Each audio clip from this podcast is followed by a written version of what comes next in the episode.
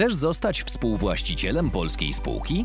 Wejdź na emiteo.pl. Tu zaczyna się Twoja przygoda z crowdfundingiem inwestycyjnym. Cześć, jestem Maciej Filipkowski, a to jest Zaprojektuj swoje życie. Dzisiejszym gościem jest Bartek Pucek. Bartek pracuje w IKEA w tej chwili, pracował w paru bardzo ciekawych e, cyfrowych firmach w Polsce i prowadzi chyba najbardziej wartościowy newsletter, do, którego subskrybuję oprócz Jamesa Clear, e, czyli pucek.com. Bartek opowiada o swoich modelach mentalnych, o tym jak ułożył sobie życie, jak e, zarówno jego pomysł na to życie, jak i szczęście zmodelowały to, gdzie wylądował i w ogóle nie mówiliśmy o projektowaniu, ale mówiliśmy o stogach siana. Mówiliśmy o tym, że szukanie igły w stogu siana to jest jedna umiejętność, ale wybór właściwego stogu siana, w którym tych igieł będzie dużo i na pewno na nie trafimy, jest dużo ważniejszą umiejętnością. Mam nadzieję, że Zaprojektuj swoje życie jest takim stogiem siana dla Was, ale ten odcinek na pewno będzie stogiem, w którym będą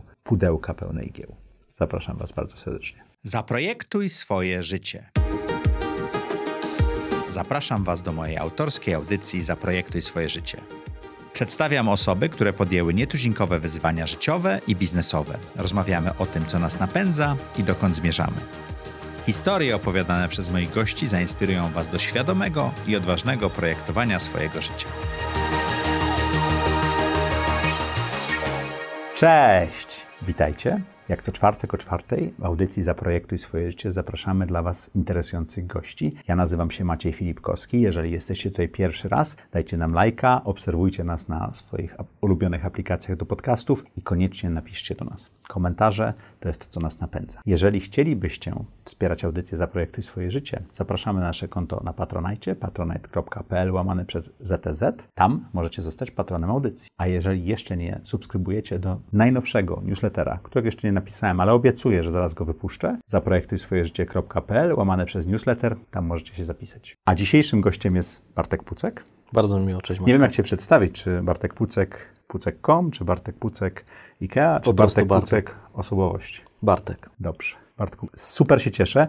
Przekładaliśmy to nagranie ze trzy razy chyba. Zanim jeszcze zacząłeś nagrywać podcast. A nie, ja przyszedłem do ciebie, żebyś, to, to, już od dwóch lat o tym mówimy, ale takie umawianie go, to, to już trwa z rok, myślę. I COVID, i zmiana pracy, i wszystko inne. Ale jest to absolutnie e, moja wina. Myślę, że największym powodem... Nie, nie uważam, że to jest wina, to, to, to się zdarza, tak? Myślę, że największym powodem, dla którego to się wydarzyło, jest moja niechęć generalnie do udzielania e, wywiadów. To, jest taka to nie rzecz, jest wywiad, to jest rozmowa. rozmowa. Przy szachach. Mhm. Bartek, Szachy zdecydowanie. Bartek Bartek powiedział, że szachownica musi być nakryta, jeżeli to ma być dłuższe niż godzinę, więc jest. Zrobiliśmy trochę miejsca na jego kubek dla tych, co słuchają, ale zaraz wrócimy, może zagramy. Szachy to jest jedna z tych rzeczy, które e, bardzo lubię. Ale pytałeś przed nagraniem o szachownicę, więc ja też tłumaczyłem, że szachy dają nam takie poczucie, że wszystko jest do ogarnięcia, ma reguły. Ja wierzę, że w życiu te kości są tak samo ważne i szczęście jest e, jakąś przyczyną. Zgoda. Pytanie, które dostają wszyscy goście audycji za projekty i swoje życie. Jak wyglądało tutaj projektowanie Twojego życia? Myślę, że składało się z dwóch elementów mhm. moje projektowanie. Po pierwsze, z tej części, która wydawała mi się, że jest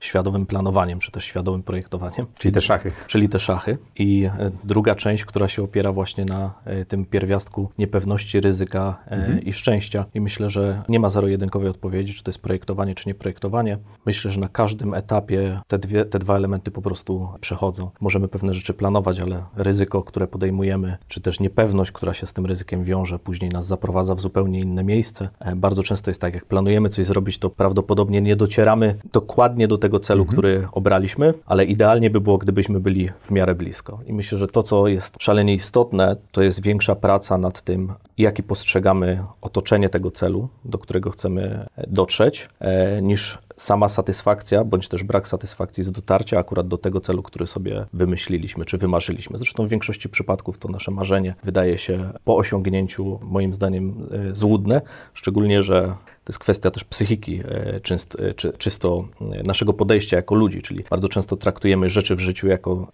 skalę od 0 do 100, czyli jak osiągamy 48, to patrzymy, gdzie jest 49, a później gdzie 60 i gdzie 100. Natomiast jeżeli potrafimy przyjąć perspektywę, że życie to jednak życie, praca, rodzina, cokolwiek nas dotyka w życiu jest na skali od 0 do 1, to 1 już jest bardzo satysfakcjonującym miejscem, w którym możemy się znaleźć. Czyli dostosowanie skali do swoich potrzeb? Zdecydowanie. To wcale nie oznacza, że jesteśmy wtedy e, mniej skorzy do poznawania świata, do eksploracji różnych tematów, do em, rozwijania swoich e, horyzontów. Natomiast poziom satysfakcji, jaki możemy osiągnąć wewnętrznie z, ze, ze spełnienia się w, w danej dziedzinie, czy w, czy w czynnościach, czy w życiu zawodowym, po prostu będzie dużo, dużo większy. Nie, nie uczestniczymy moim zdaniem wtedy w takim wyścigu, a w szczególności Nie przykładamy metrówek innych osób do siebie, tak? Zdecydowanie tak. E, Myślę, że to ma kilka filarów. Jeden filar jest taki, że bardzo często powoduje to tak zwane sygnalizowanie statusu, czyli e, większość zresztą social media generalnie rzecz biorąc e, polegają na tym, że pozwalają coraz większej rzeszy osób pokazywać swój status, czyli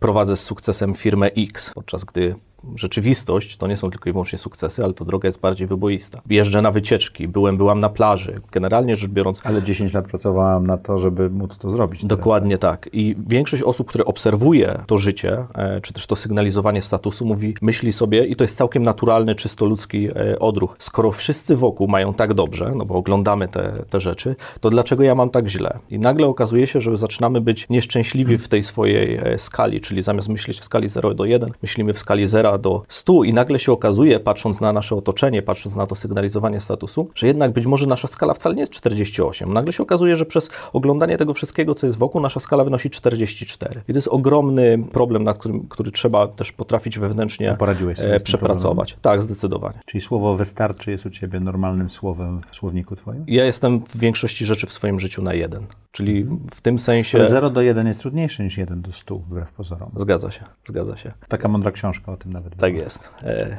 Tiela, tak jest. Druga kwestia jest też taka, że to sygnalizowanie statusu, czy też ta, ta, ta skala, o której możemy myśleć, powoduje też e, różnego rodzaju emocje. Najczęściej na przykład jest to element związany z zazdrością. Ktoś ma lepiej od nas, ponieważ zobaczyliśmy, że ktoś pokazuje, że ma e, lepiej od nas. Natomiast to, co bardzo rzadko się dzieje, albo co można rzadko obserwować, a nad, nad czym moim zdaniem należy pracować, to jeżeli czegoś komuś zazdrościć, to mądrości, a nie bogactwa. I jak ja patrzę e, przez pryzmat ludzi, z którymi pracuję, z którymi chciałbym pracować, czy, czy e, którymi staram się otaczać, to patrzę na to przez pryzmat ich e, często wewnętrznej e, mądrości w danych dziedzinach e, i się zastanawiam, co te osoby widzą takiego, czego ja dzisiaj nie widzę w danych dziedzinach, jakie tematy eksplorują, w jaki sposób myślą, jakich modeli mentalnych używają, jakie podejmują ryzyka, jakich nie podejmują ryzyk i jakby to jest mój pryzmat myślenia, w, em, jeżeli patrzę na, na inne osoby. I w każdych dziedzinach, która na przykład mnie interesuje dzisiaj, czy zainteresowała kiedyś, czy będzie interesować w przyszłości, jedną z e, e, pierwszych myśli, e, jakie mam na temat danej dziedziny, to jest, kto jest w tym najlepszy na świecie. I wtedy podążasz za tą osobą? I Uczysz wtedy się?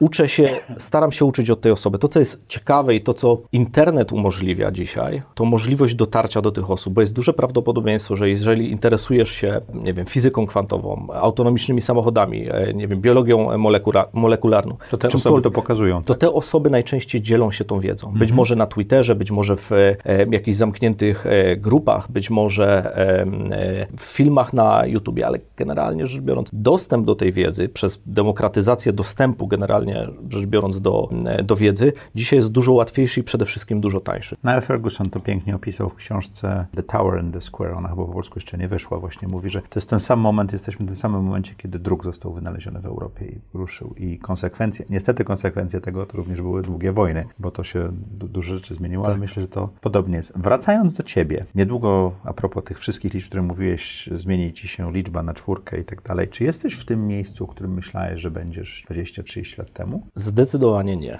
Okej. A czym się nie. różni to miejsce? Myślę, że różni się poziomem wewnętrznej satysfakcji. Jest większy. E, Zdecydowanie większy niż Okej. myślałem, że, e, że będzie. Różni się zdecydowanie poziomem wolności, bo to jest ta rzecz, która dla mnie jest jednym z głównych e, e, Mentalnej, finansowej? każdej. Jeżeli zdefiniujesz sens życia jako proces, w którym zdejmujesz ograniczenia nakładane ci przez społeczeństwo, przez kulturę, przez miejsce, w którym się urodziłeś, na rzecz ograniczeń, które sam sobie nakładasz, nagle okazuje się, że możesz być wolny w bardzo wielu dziedzinach. Bo niezależnie od tego, gdzie się e, rodzimy, w małej miejscowości, w dużej miejscowości, w jednym kraju czy w drugim kraju, e, są pewne, czy kulturze, są pewne ograniczenia, które są na nas nakładane automatycznie. Czyli rodzimy się i przez kolejne e, naście czy dziesiąt lat mamy do czynienia z pewnymi ograniczeniami. To, co jest moim zdaniem jednym z e, ciekawszych elementów eksploracji w życiu to jest w jakiś sposób uwolnić się od tych ograniczeń, po to, żeby pracować tylko i wyłącznie nad ograniczeniami, które ja sam sobie e, świadomie czy nieświadomie narzucam. Ty jesteś filozofem czy praktykiem? I to, i to. To jak doszedłeś... Platon, przepraszam, że Tak? wejdę ci w słowo, Platon powiedział, Wchodzenie w słowo jest jedną z rzeczy, która działa w tej audycji dobrze, aczkolwiek widzowie często się burzą. Platon.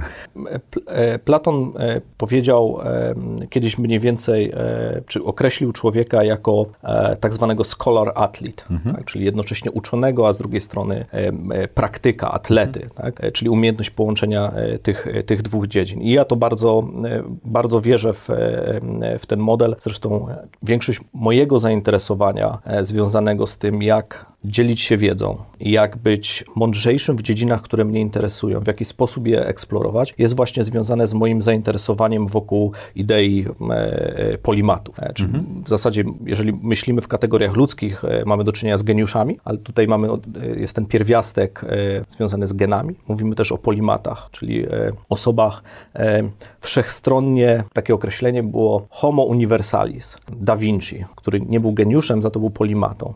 I jedna z e, teorii jest taka, że bycia polimatą można się nauczyć. Możesz się nie urodzić geniuszem, ale polimatą możesz się nauczyć pod warunkiem, że będziesz nad pewnymi elementami em, e, pracował. I te elementy akurat e, są w miarę, e, w miarę znane i ja akurat się staram na nich skupiać, ale też staram się obserwować polimatów. Tak? Czyli czy w Jakie Polsce, czy za granicą.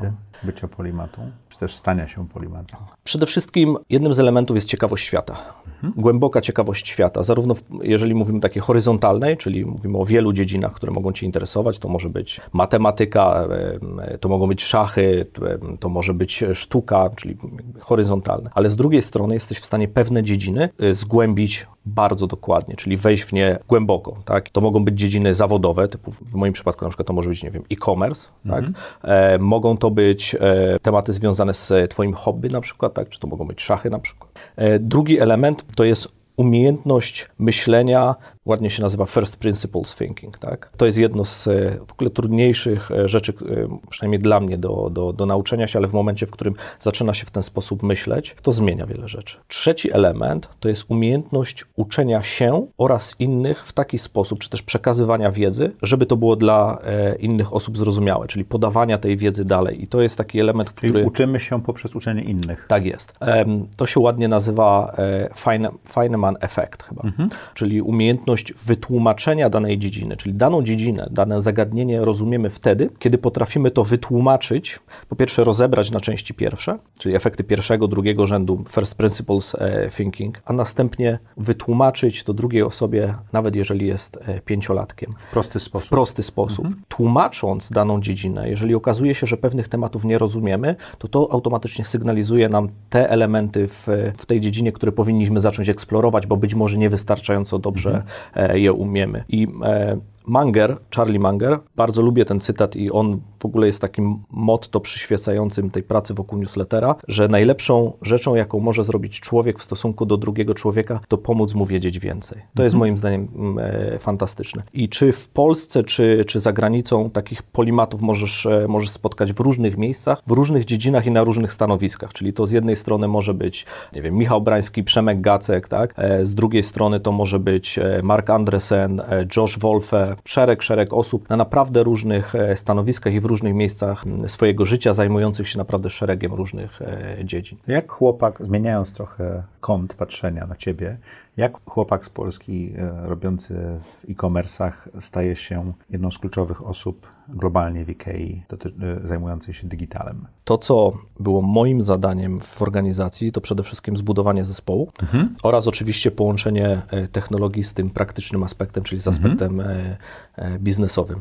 To, co się udało zrobić przede wszystkim, to udało się ten zespół zbudować, a trzeba pamiętać, że IKEA funkcjonuje na no, niejednym rynku i nie tylko e, w Polsce i udało się to zrobić na takim poziomie, który powiedzmy sobie byłby modelowy również dla wielu innych e, krajów, pomimo tego, że Polska nie jest największym rynkiem z perspektywy IKEA na, e, na świecie. Drugi element to odkładając na chwilę sytuację związaną z, e, z pandemią, w rozumieniu biznesowym udało się też osiągnąć takie wyniki, które były wykładnicze w stosunku co, do tego, co było wcześniej. Dla kraju. Na, dla kraju. Biorąc na, na bok nawet sytuację Mhm. związaną z COVID-em. Więc to jest ten element, który też ja lubię i charakteryzuje też to, na czym ja lubię się skupiać, czyli problemy, które są w stanie przynieść wykładniczą korzyść. Skuteczność? Skuteczność to jest dobre pytanie, czy skuteczność, dlatego że pytanie, czy ważniejsza jest skuteczność, czy ważniejsze jest unikanie błędów. To jakiś przykład takiego problemu, żebym lepiej zrozumiał? Weźmy dwóch ekspertów. Mhm. Jeden ekspert myli się dziewięć- y, nie myli się 1% na, y, Na na 100. 100%. Nie myli się 1% na 100, na 100. Ale kiedy się pomyli, myli się śmiertelnie. Pozostałe 99% e, razy ma e, rację. Drugi ekspert myli się 60, e, myli się 40% razy, czyli na 100, 40 razy się pomyli, 60 razy poprawnie. Który z tych, która z tych osób jest lepsza pod względem em, podejmowania, skuteczności podejmowania decyzji? To zależy, co oznacza śmiertelnie dla organizacji czy dla osoby. No, dowolnie, czy, śmiertne, czy, czy dla organizacji, czy dla osoby. Jeżeli porównasz te dwa sposoby, czy te, te dwa rodzaje skuteczności, to ta osoba, która myli się częściej, jest bardziej skuteczna. Dlatego, że średnio ta osoba, która podejmuje poprawne decyzje przez 99% czasu, ale jeden raz to są decyzje śmiertelne, średnio około 50 miesięcy przetrwa, przeżyje. Tak? Czyli około 50 miesięcy będzie podejmować poprawne decyzje, ale ta jedna, uśredniając, będzie wykańczała biznes e, cały tak. temat. Tak? Druga osoba, która myli się więcej razy, ale z drugiej strony Skutki są mniej, mniejsze. skutki są mniejsze, będzie dużo, dużo dłużej funkcjonowała Mhm. e, na przykład na, e, na rynku. Więc umiejętność dostrzegania ryzyk i umiejętność dostrzegania potencjału, co w szczególności w przypadku zarządzania firmami, ale też generalnie rzecz biorąc w życiu jest e, kluczowe, że czynności, na które patrzymy przez pryzmat firmy, one nigdy się nie kończą, czyli zawsze, nigdy nie będzie mniej pracy, zawsze tej pracy przybywa, zawsze są kolejne zadania na, na liście do, e, do zrobienia. To, co jest kluczowym, taką kluczową umiejętnością, to jest dostrzeżenie, które z nich przynoszą wykładniczy efekt i czy da się je w, e, zwalidować e, tezę o nich w miarę szybko. Czyli po pierwsze zwalidowanie tej tezy, że jesteśmy, jesteś, jest w stanie przynieść dobry efekt, a po drugie wprowadzenie jej, co w szczególności w dużych organizacjach zawsze się wiąże z pewnego rodzaju trudnością. Przy czym to nie tylko w biznesie, ale też w życiu. Czyli e, jak mamy do czynienia z e, naszymi listami to do, myślimy w kontekście osobistej produktywności. Mamy programy do zarządzania, listy, Używasz mamy... programów? Już nie. Kartkę? W tej chwili używam kartki papieru, na której codziennie zapisuję trzy rzeczy, które danego dnia chciałbym zrobić. A trzy też jest twoją magiczną Trzy, liczbą. tak. Okej, przepraszam, Trzy- takie, trzy znowu rzeczy. przerwałem goście. trzy rzeczy. Natomiast ja powiedziałbym tak, w kontekście projektowania życia, y, moje w pewnych elementach tego projektowania jestem bardziej dokładny, uporządkowany, a w pewnych e, elementach je- jest powiedzmy freestyle. I jak patrzymy z perspektywy własnej e, produktywności, to około 50, 50% naszych dziennych zachowań to są nawyki. Natomiast to, nad czym w większości spędzamy czas, praca nad swoimi listami e, zadań, nad prawda? czyli nad taskami. Task 1, task 2, task 3. E, więc to, co się nie zmienia, to tak naprawdę nie zmienia się nasza produktywność. Czyli w, e, dzień 1 z listą to do oraz dzień 365 z listą to do mają ten sam output. Natomiast w momencie, w którym zaczynamy pracować nie tylko nad tym, co jest na bieżąco do zrobienia, ale również nad tym, jak kształtować nasze nawyki, to okazuje się, że kształtowanie nawyków przynosi tam 3000 plus procent e, wzrostu po 365 e, dniach pod warunkiem, że e, każdego dnia pielęgnujemy ten, ten nawyk. Oraz jest jeszcze drugi aspekt, mianowicie tworzenie nowych, dobrych nawyków oraz wychodzenie ze złych nawyków jest dużo trudniejsze niż zarządzanie listą zadań. E, Chyba James Clear to powiedział, albo któryś z panów, który pisał o e, zwyczajach, że jeżeli mamy dobre nawyki, to czas jest naszym sprzymierzeńcem, jeżeli mamy złe nawyki, to czas jest naszym wrogiem. Tak, dokładnie. Tak. Tak? To tak działa. Gdzie się nauczyłeś tej wiedzy, którą posiadasz? Bo byłeś na Stanfordzie, byłeś na Harvardzie, zrobiłeś Kaufman Fellow Academy, kupa wiedzy takiej akademickiej poniekąd, bardzo dużo czytasz, pracowałeś jak dojadę w Onecie, w Pracuju, tam się zresztą poznaliśmy osobiście, tak? Tak. Pamiętam jak zaczynałeś i zaprosiłeś mnie na obiad. To jest pytanie, które miałem zadać Holender, czy pamiętasz, kiedy się spotkaliśmy. E, teraz w IKEA zrobiłeś swój newsletter, który chyba jest dużym sukcesem, zasięgowym, komercyjnym i tak dalej, to tak jak się spojrzy na ciebie w tej chwili, to jest takie wow. A ja próbuję dojść do tego, jak doszedłeś do tego wow. Mhm. Ta część, o której wspominałeś, czyli nazwijmy ją, e, niech będzie, że nazwijmy ją akademicką. Ona jest przede wszystkim związana z umiejętnością eksploracji rzeczy, które mnie interesują. E, czyli akurat Stanford było tyle dobrym e, e, przykładem, że ja na Stanfordzie, na Stanford pojechałem dlatego, że dostałem premię za wyniki w swojej pracy i podczas gdy część osób w tym czasie kupowała przedmioty, To ty wydałeś ja inwestowałem w, eduka- w edukację, w wiedzę. E, I nie mówimy o formalnej edu- e, edukacji, o, edu- o edukacji w sensie formalnym. Celem zrozumienia, czyli ty wydałeś swój bonus na e, kurs na Stanfordzie. Tak, dokładnie tak. E, Ile to było pieniędzy?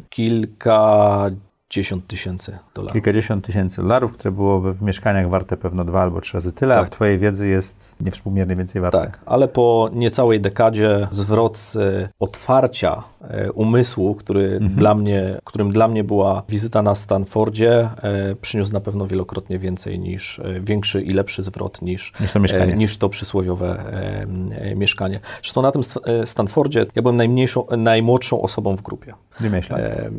Około 30 Mhm. lat. E, Większość osób to były osoby minimum o dekadę e, e, starsze ode mnie i ja długo, długo zastanawiałem się, co, ja ja, tam robię. w ogóle robię.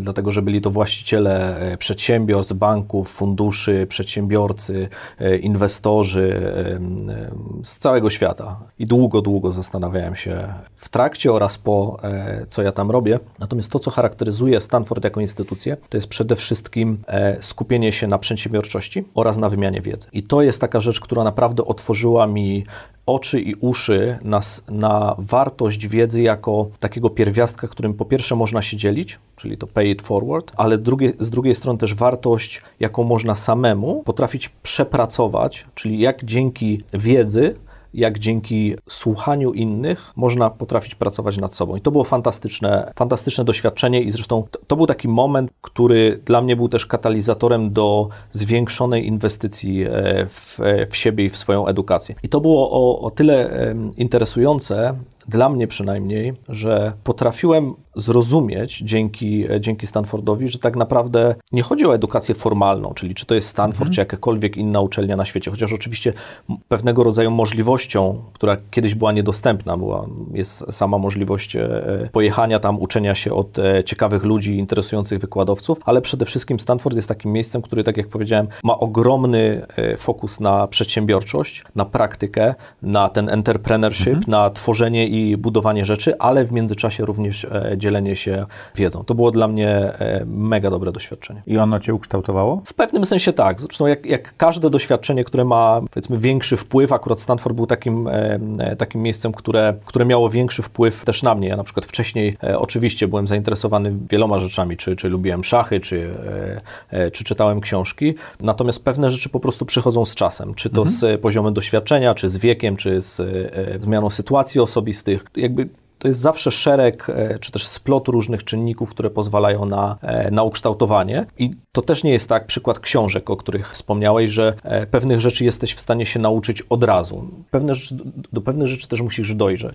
E, I przykład książek jest o tyle interesujący, że ja, będąc dzieckiem, pochłaniałem no, spore ilości książek. Później, będąc nastolatkiem, już niekoniecznie. Inne rzeczy były dla mnie istotne, ale dopiero po jakimś czasie zrozumiałem, że tak naprawdę książka książce nierówna. I nie mówimy tylko i wyłącznie o tytułach, ale o tym, że jest pewna charakterystyka książek, które bierzemy do ręki. Mo- Czyli można w książkach y, wyróżnia się e, trzy rodzaje, trzy typy. Książki, e, nazwijmy beletrystyczne, czyli których, e, po które sięgamy po to, żeby się zrelaksować, po to, żeby się zanurzyć Rozrywka. w danej dziedzinie. Jest to dla nas na przykład rozrywka, to może być science fiction, to może być fantastyka, to może być kryminał. I to są książki, które, które chcemy na spokojnie eksplorować, ale gdzie- chcemy się zanurzyć w jakimś świecie, de facto przenieść się z, z rzeczywistości do, do tego innego e, e, świata. Są książki typu drugiego, czyli książki praktyczne. To mogą być książki biznesowe, to mogą być książki poradnikowe, to mogą być jakiś self-help, to mogą być książki o produktywności. Super popularne w Tak, ostatnich dokładnie tak. dwóch dekadach, nie? Zdecydowanie. To są książki, które najczęściej powinny być łatwiej konsumowalne, w których nie ma problemu, jeżeli ominiemy rozdział. To są książki, które obecnie prawdopodobnie najlepiej kupować w formie e-bookowej, po to, żeby zaznaczać e, pewne cytaty, do których e, chcemy wrócić. To są te rzeczy, które pozwalają nam zrozumieć pewne problemy w sensie praktycznym i powinny przynieść korzyść e, następnego e, dnia. I książki typu trzeciego, czyli które spełniają tą definicję Taleba, tak zwanego Lindy Effect, czyli książki, które razem z wiekiem są coraz lepsze, coraz ciekawsze, coraz często coraz bardziej istotne. Wiec, wiekiem książki czy wiekiem czytającego? Nawet nie tyle wiekiem książki, bo mogą by to być książki, które zostały wydane, no Taleb, tak, w sensie to są ostatnie dwie, dwie dekady, a zdecydowanie spełnia, e, spełniają, praktycznie wszystkie jego książki spełniają tą, e, tą e, definicję, ale to mogą być też książki, które, nie wiem, są napisane przez nie, Marka Aureliusza. Natomiast ich efekt tych książek jest taki, że jeżeli weźmiemy je do ręki, to te książki się nie starzeją w momencie, kiedy przeczytamy je piąty raz, dziesiąty raz i, i, i, i tak dalej. Bardzo często dają nam modele mentalne, prawda? Dokładnie tak, nad którymi później możemy, e, możemy pracować. I to są książki, które ja osobiście kupuję w papierze oraz w wersji elektronicznej i najczęściej również w audiobooku, czyli bandluję e, całość. E. Mieszasz te odczucia, czy raczej powtarzasz je? Często jest tak, że papier to jest to miejsce, które studiuję, nad którym muszę usiąść, muszę się skupić, e, gdzie przeczytanie jednego rozdziału może zająć pół dnia, ale później wracam na przykład w formie e-bookowej czy w formie cyfrowej po to, żeby ciekawsze rzeczy zaznaczyć, wrócić do nich. Być może to są rzeczy, które chciałbym przećwiczyć, więc A zabieram je gdzieś dalej. A audiobook na przykład do odświeżenia, jeżeli wspomnianego Taleba chciałbym e, przerobić piąty czy szósty raz, e, no to audiobook będzie Ja tam mam formą. takie pytanie za tobą właśnie, jak wybierasz książki, jakie konsumujesz, to na tą drugą część już odpowiedziałeś, a jak wybierasz? Zawsze to musi być ten y, trzeci model? Nie. Ja czytam książki z każdej z tych kategorii Mhm. e, i każda z nich jest w stanie przynieść e, pewną wartość. Czyli jeżeli czytam e, science fiction, no na przykład chińskie science, science fiction, no to zanurzamy się w pewien świat i kulturę, której na przykład nie rozumiem, którą chcę poznać. E, w przypadku książek biznesowych e, czasami to mogą być dziedziny, które chcę wyeks- wyeksplorować, tak? Czyli na przykład to może być machine learning na przykład, czy deep learning, tak? Tutaj ciężko o książki typu trzeciego w, e, w tak praktycznej i nowej, e, I nowej dziedzinie. Tak, nie? dokładnie. I ten element trzeci to są książki, na które no, muszę mieć czas po to, żeby się z nimi zapoznać i gdzie jestem najbardziej uważny w kontekście wybierania tych książek. A czasowo jak je dzielisz między sobą? Ile czasu ci zajmują te trzy różne? Kiedyś czytałem jedną książkę i dopóki jej nie przeczytałem, to nie sięgałem po następną. A teraz tak, nie sięgałem po następną. Em, A teraz ile książek Plusem tego oczywiście było to, że, że e, nas dyscyplinowało? Dyscyplinowało na przykład do przeczytania jednej książki na tydzień, czy jednej książki na dwa tygodnie. Natomiast to, ile książek przeczyta się w roku, tak naprawdę nie ma większego znaczenia pod warunkiem, że się czyta w ogóle. Em, I ten wyścig na ilość książek jest przeczytanych w roku. Dodałbym jedną rzecz, że warto dobrać te książki, bo to nie, Oczywiście. to, to nie jest wyścig na ilość. Dokładnie tak. I teraz, jeżeli chodzi o dobieranie książek, no to w przypadku książek typu pierwszego, czyli be- beletrystyki, to jest w zależności od tego, co nas interesuje, jakie dziedziny e, nas interesują. W przypadku książek drugiego typu, e, to co ja robię bardzo często, to jeżeli patrzę na autora, który napisał daną książkę, szukam podcastów, szukam jego Twittera, e, szukam jego newslettera, szukam jego wywiadów i przeglądam te wywiady albo słucham tego podcastu. I nagle się okazuje, że większość e, tych e, podcastów w zasadzie zawiera wszystko to, co zawiera e, książka. I e, bardzo mi się podoba to e, stwierdzenie, które kiedyś przeczytałem, że większość wpisów na blogu mogłaby być tweetami, większość tweetów nie musi istnieć. A duża część książek mogłaby, mogłaby być wpisami na blogu. Dokładnie tak, tak, absolutnie masz rację. I A ta, świadomie wybierasz, co będziesz czytał? E, Większość z, e, to są rekomendacje, które gdzieś znajduję, czyli to są rekomendacje Okej. ludzi, których obserwuję, czy na Twitterze, czy subskrybuję ich newslettery, czy słucham ich podcastów. Ale sprawdzasz te rekomendacje Tak, według absolutnie. własnego filtru. Tak, tak, no bo- ja, ja jeszcze mam taki jeden filtr, używam Get Abstract, czyli takich dwu, trzy stronicowych e, streszczeń przed podjęciem decyzji, że poświęcę pół tygodnia czy tydzień na książkę. na książkę. No, dokładnie tak, bo tak naprawdę jeżeli e, przeczytanie danej książki na przykład zajmuje nam 8, 10 czy 12 godzin, a okazuje się, że dana książka czy teoria, którą autor chce przedstawić, była, może, może być zawarta w jednym e, podcaście, szkoda czasu. Jedna z książek, których, do których często wracałem w takiej, nazwijmy to, ścieżce zawo- zawodowej, która należy do kategorii drugiej, to jest First 90 Days, czyli pierwsze 90 dni. Tak, tutaj gdzieś jest. To jest bardzo dobra książka, którą polecam każdemu, kto Przy dokonuje zmianie- przy zmianie. jakiejkolwiek zmiany zawodowej w swoim życiu. Nawet wewnątrz firmy na inne wewnątrz firmy, nie? zewnątrz firmy, tworząc firmę, ona pozwala zastosować pewnego rodzaju model, który porządkuje nam myślenie o tej zmianie oraz potrafi przygotować nas do tych etapów, które w trakcie tej zmiany się dzieją. To jest bardzo Ile dobra książka. E, Na pewno powyżej 10. Okej. Ja myślałem, że dużo, bo z sześć razy, ale okej.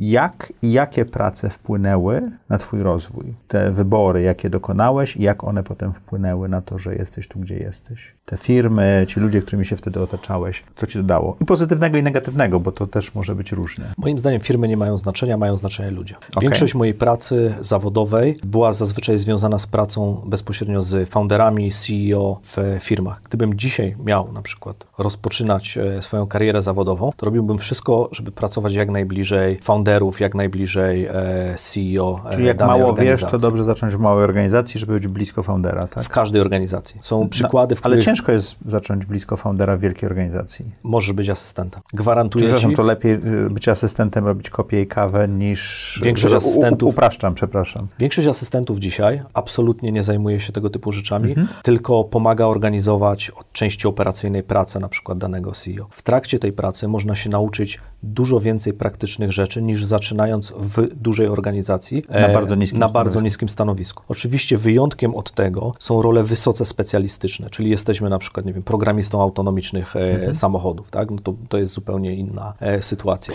Natomiast e, umiejętność bycia wokół ludzi, od których możemy się nauczyć, nawet niezależnie od stanowiska i pozycji firmy, to jest kluczowy element. Większość osób, e, które aplikuje e, na e, stanowiska w pracy, czy to są ogłoszenia, czy z polecenia, głównie patrzy przez pryzmat e, oczywiście zarobków, e, przez nazwy pryzmat stanowiska. e, nazwy stanowiska i przez pryzmat dojazdu do, do pracy. W Czyli, IKEA... czyli lifestyle'owo patrzy Czyli patrzą lifestyle, lifestyle'owo. Na przykład w IKEA nie ma stanowisk w rozumieniu nazw, stanowisk dyrektorskich czy Mhm. i tego typu. Wszyscy mają stanowiska. Jeżeli zarządza się, pracuje się z zespołami, jest się liderem, to są po prostu stanowiska menedżerskie, czyli w Polsce to był I to niezależnie- country digital manager, niezależnie od tego, na jakim e, poziomie i czy to jest globalnie, czy lokalnie, jest to po prostu efekt e, kulturowy, który stara się nie, nie patrzeć na organizację przez pryzmat hierarchii, a przez pryzmat rzeczy, które są e, do zrobienia. To, co jest ciekawe, moim zdaniem, to szukanie takich ludzi, od których możemy się nauczyć ciekawych rzeczy w środowisku, czy też w kulturze organizacyjnej, która Jak to znajdowałeś takich ludzi? Czy to oni ciebie znajdowali? I to, i to. Z Michałem Brańskim e, zacząłem pracę dlatego, że rozmawialiśmy długo wracając w pociągu z Poznania na przykład. I później e, od Michała dostałem e, ofertę pracy. Z drugiej strony były jakieś projekty, czy prace, czy, czy rzeczy, które robiłem tylko i wyłącznie dlatego, że dostrzegałem jakiś problem. I nikt ci ich nie zlecał? Nikt mi ich nie zlecał, ale do właścicieli tego problemu, na przykład, nie wiem, do foundera amerykańskiego startupu, po prostu pisałem, to jest ten problem, to tak moim zdaniem powinno wyglądać rozwiązanie z perspektywy mojej jako, jako użytkownika go ahead. Zazwyczaj dostawałem fantastyczne odpowiedzi, czy też oferty pracy, czy cokolwiek innego, e, ale to jest taki rodzaj zachowania, który skupia się na umiejętności dostarczania wartości, Czyli nie pisałeś masz problem, tylko masz problem i myślę, że to jest rozwiązanie, tak? Myślę, że większość organizacji, większość founderów zna e, problemy. zna problemy. Natomiast umiejętność znalezienia praktycznego i, prostego. wdrażalnego e, rozwiązania to jest ta rzecz, która, która jest szalenie istotna. Z drugiej strony możesz też spojrzeć na to w e, następujący sposób. Do wielu organizacji najczęściej zatrudnia się ludzi, którzy są problem solvers, czyli roz, zajmują się rozwiązywaniem problemów. Ale ile organizacji się skupia na tym, żeby zatrudniać i patrzeć osoby, które patrzą przez pryzmat nietworzenia tych problemów, czyli jeden etap wcześniej. W każdej organizacji, e, jak tworzymy e, produkty, czy zajmujemy się prowadzeniem biznesu, zajmujemy się sprzedażą, skalowaniem e, danego biznesu, najczęściej postrzega się z, z perspektywy problem, właśnie rozwiązywań problemów. A mitygacja problemów, czyli ich zapobieganie, no jest najczęściej w ogóle tematem, który jest nieporuszany. Tak? I więc to jest też pytanie, ile czasu spędzamy jako zespoły, jako organizacje nad zapobieganiem problemów. Była taka partia szachowa, e, arcymistrz Anand w latach 90. E, em, Była partia e, blicowa, czyli kilkuminutowa, w której spędził półtorej minuty nad jednym ruchem. To jest absolutnie w e, szachach błyskawicznych nienaturalną czynnością. To byłoby kilka dni w normalnych. E, tak, jest absolutnie nienaturalną czynnością. Natomiast w kolejne półtorej minuty, czyli po wykon- za- najpierw się zastanawiał półtorej minuty nad jednym ruchem, natomiast kolejne półtorej minuty wykonał 46 ruchów e, w tej partii. Więc zawsze powstaje to pytanie, w, których, w którym jest ten moment, gdzie musimy się zastanowić, jak dużo czasu spędzamy nad zapobieganiem problemów, a jak dużo czasu nad łataniem e, kolejnej dziury, którą gdzieś Ja dostrzegamy. miałem takie powiedzenie, widzenia jeszcze w e, korporacjach, w których pracowałem, że żeby to uświadomić, że nie doceniamy pracy oficerów PPOSZ, a przeceniamy, czy też osób zajmujących się bezpieczeństwem i higieną pracy wokół pożarów, a przeceniamy pracę strażaków. Doceniając bardzo strażaków, ale ilość żyć, które ratują te osoby, które pilnują, żeby schody przeciwpożarowe były czyste na przykład, to, to jest dokładnie to, co ty tak. mówisz, tak? To był taki obraz. Powiedziałeś słowo na K, takie dość ważne moim zdaniem, czyli kultura organizacyjna. Czy jak dobierałeś sobie te prace, oprócz tego, że dobierałeś sobie founderów, czy też osoby, które mogły to zrobić, to też zwracałeś uwagę na kulturę firm, do których wchodzisz, czy to troszeczkę wchodząc tam okazywało się, gdzie jesteś?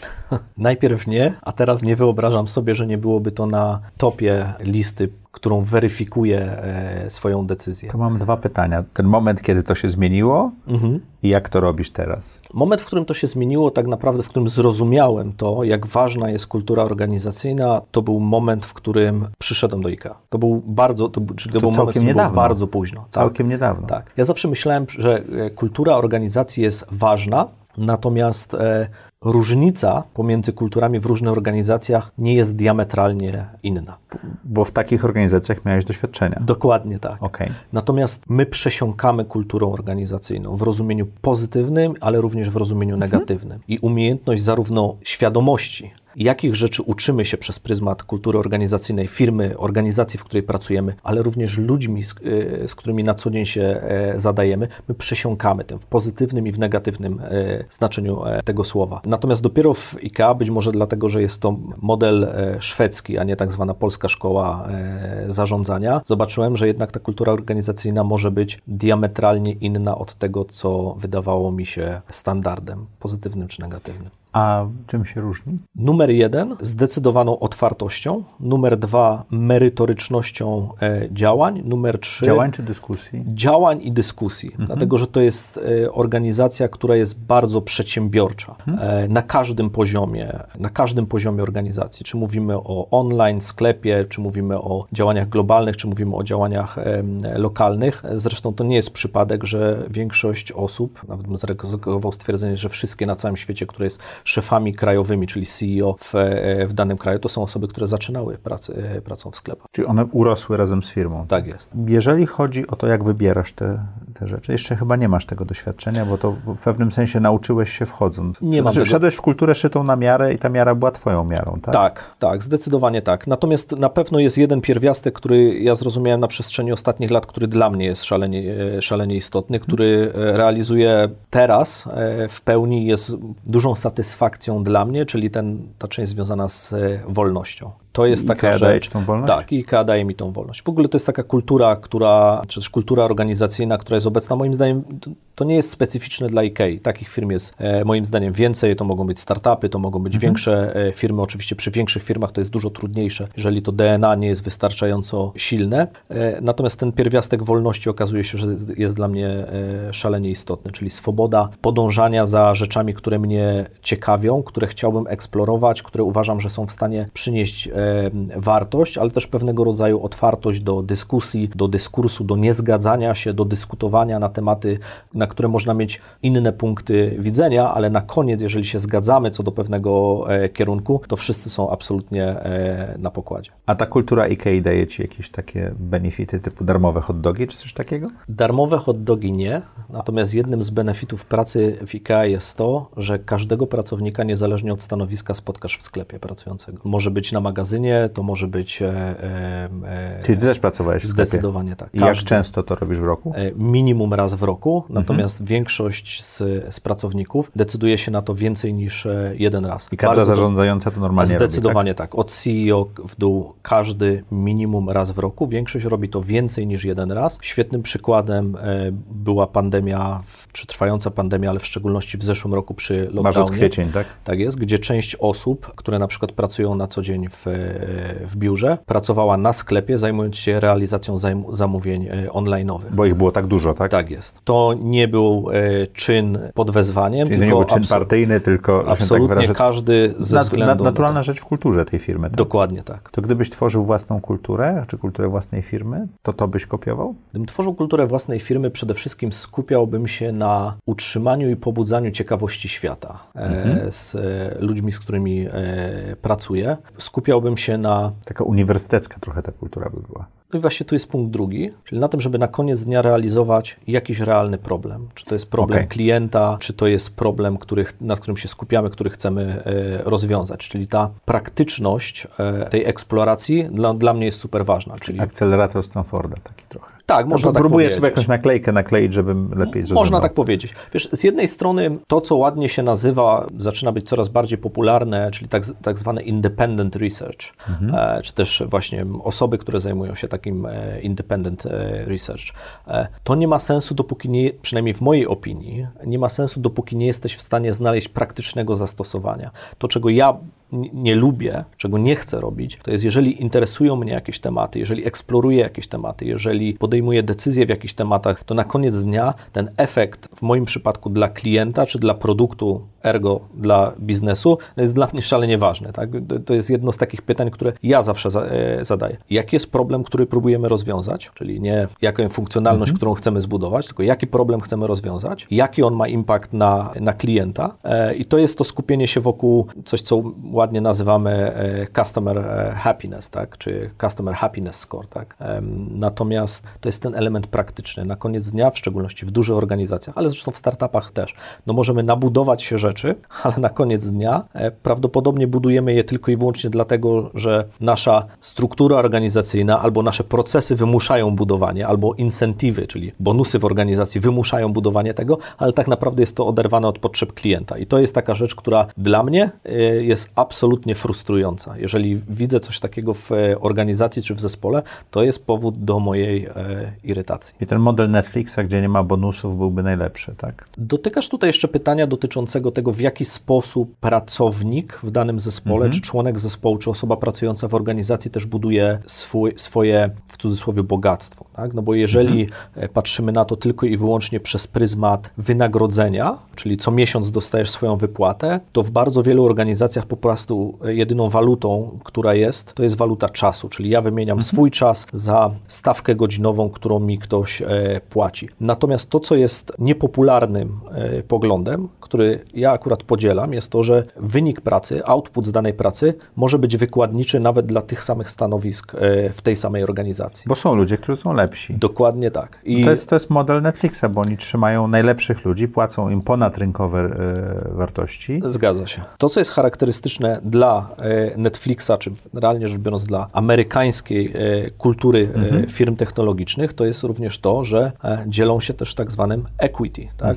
Oczywiście później, kiedy spółki są publiczne, jakimiś opcjami na, na akcje. Stripe, który teraz jest wyceniany chyba na ponad 115 miliardów e, dolarów.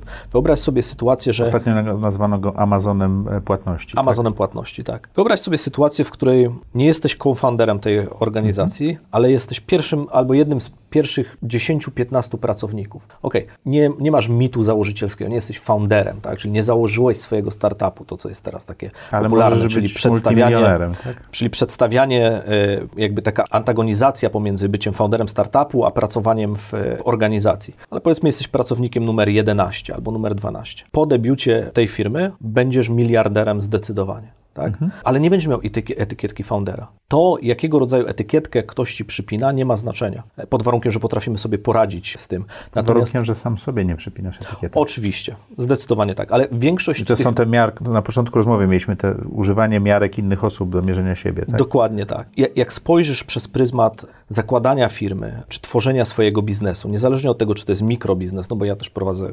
mikrobiznes, pracy w, e, w organizacji, tak naprawdę dla mnie głównym mianownikiem jest to, jak duży jest poziom twojej wolności, a nie to, czy ktoś potrafi do ciebie, albo ja potrafię do siebie przykleić łatkę jedną albo, e, albo drugą. No, a propos twojego mikrobiznesu, czyli newslettera, w którym masz już ponad tysiąc subskrybentów? Tak, jeżeli licząc osoby prywatne i nie licząc subskrypcji, to ponad tysiąc. Jeżeli licząc firmy, które subskrybują dla Pracowników? e, swoich pracowników, to jest to dużo więcej. Ile? Po, jeszcze poniżej 2000. To ciekawe. Jak można pogodzić robienie własnego mikrobiznesu z pracą na tak odpowiedzialnym i dużym stanowisku globalnym w takiej firmie jak IKEA? Ciężko mi jest odpowiedzieć na to pytanie, bo nie wiem, czy widzę ten problem, wiesz? No dobrze, to y, zadam Ci pytanie tak, bo ja na, na Slacku Twojej społeczności poprosiłem o pytania Mhm. dla Ciebie. E, bardzo dużo ciekawych przyszło. Trzy obszary tego, tego problemu, którego Ty nie widzisz, a wiele osób tak bardzo go postrzega, że są większe niż chiński mur dla nich. Po pierwsze, jak komunikowałeś się z pracodawcą. Po drugie, jak pogodziłeś czas i energię.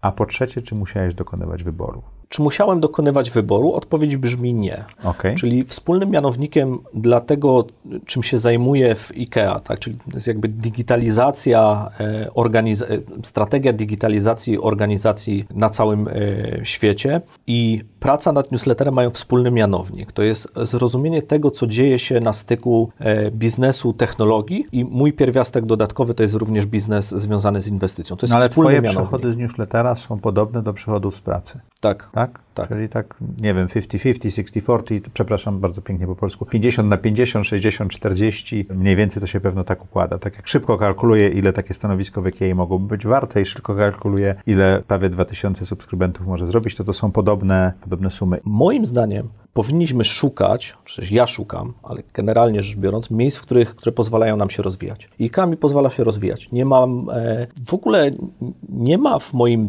toku myślenia tego, że to są rzeczy, które w jakikolwiek sposób mogłyby się wykluczać. To są rzeczy, których beneficjentem jest IKEA i których beneficjentem jestem ja i beneficjentem są też czytelnicy. Bo tak jak, naprawdę... To, to, przepraszam, przerwę Ci, bo, bo takie pytanie, które padło wprost od czytelnika Twojego newslettera na Slacku, Twojego newslettera, jak poinformowałeś szefa czy szefową o tym, że będziesz prowadził biznes obok? Mailem.